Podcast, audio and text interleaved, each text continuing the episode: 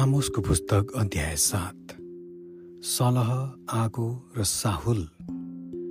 परमप्रभु परमेश्वरले मलाई यो देखाउनु भयो राजाका हिस्साको कटनी भइसकेपछि र दोस्रो बाली आउँदै गर्दा उहाँले सलहको बथान तयार गरिरहनु भएको थियो।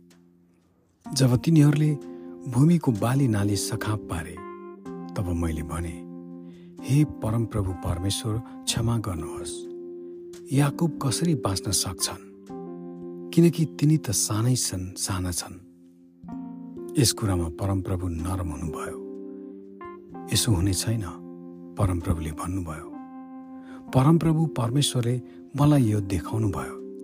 आगोद्वारा न्याय गर्न परमप्रभु परमेश्वरले ठहराउनु भयो। त्यस आगोले महासागरलाई सुकाएर जमिनलाई पनि भस्म पार्यो। तब मैले चिच्चाएर भने हे परमप्रभु परमेश्वर बिन्ती छ थाम्नुहोस्। याकुब कसरी खडा रहन सक्छन्? किनकि तिनी त साना छन्। यस कुरामा परमप्रभु नरम हुनुभयो। यसो हुने छैन परमप्रभु परमेश्वरले भन्नुभयो। उहाँले मलाई यही देखाउनु भयो साहुल लगाएर ठिक बनाएको भित्तानेर आफ्नो हातमा साहुल लिएर परमप्रभु उभिरहनु भएको रहेछ। परमप्रभुले मलाई भन्नुभयो आमोस त के देख्दैछस्? मैले जवाफ दिएँ एउटा साहुल। तब परमप्रभुले भन्नुभयो हेर म मेरो प्रजा इजरायलको बिचमा एउटा साहुल लगाइरहेछु। म तिनीहरूलाई अब बाँकी राख्ने छैन। इसहाकका अग्ला अग्ला ठाउँहरू सर्वनाश गरिनेछन् र इजरायलका पवित्र स्थानहरू भग्नावशेष हुनेछन्।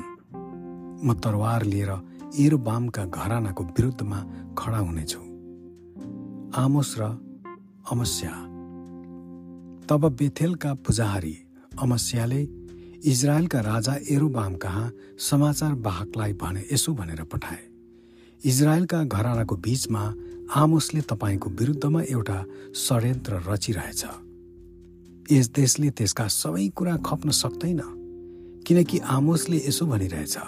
एरोबाम तरवारद्वारा मारिनेछन् र इजरायल निश्चय नै आफ्नो देशसित टाढा कैदमा जानेछ।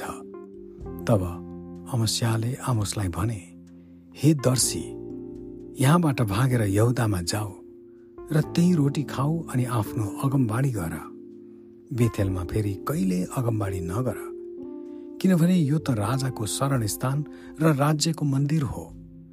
आमोसले अमस्यालाई यो जवाफ दिए। म त अगमबाडी थिइनँ र अगम वक्ताको छोरा पनि होइन। तर म एउटा गोठालो र अन्जिरका रुखहरू हेरचाह गर्ने मानिस थिएँ। तर परमप्रभुले मलाई भेडा बाख्रा चराउनबाट बोलाउनु भयो र मलाई भन्नुभयो जा गएर मेरो प्रजा इजरायललाई अगमबाडी कह। यसैले अब परमप्रभुको वचन सुन। तिमी भन्छौ इजरायलको विरुद्धमा अगमबाडी नकह। र इसहाकका घरानाको विरुद्धमा प्रचार गर्न छोडिदेऊ। यसकारण परमप्रभु यसो भन्नुहुन्छ तिम्री पत्नी सहरमा एउटी बेस्या हुनेछ। तिम्रा छोराछोरीहरू तरवारले काटिनेछन्।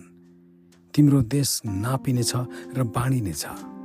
तिमी आफै चाहिँ एउटा मूर्तिपूजक देशमा मर्नेछौ र इजरायल चाहिँ निश्चय नै आफ्नो देशबाट टाढा निर्वासनमा लगिनेछ। आमेन।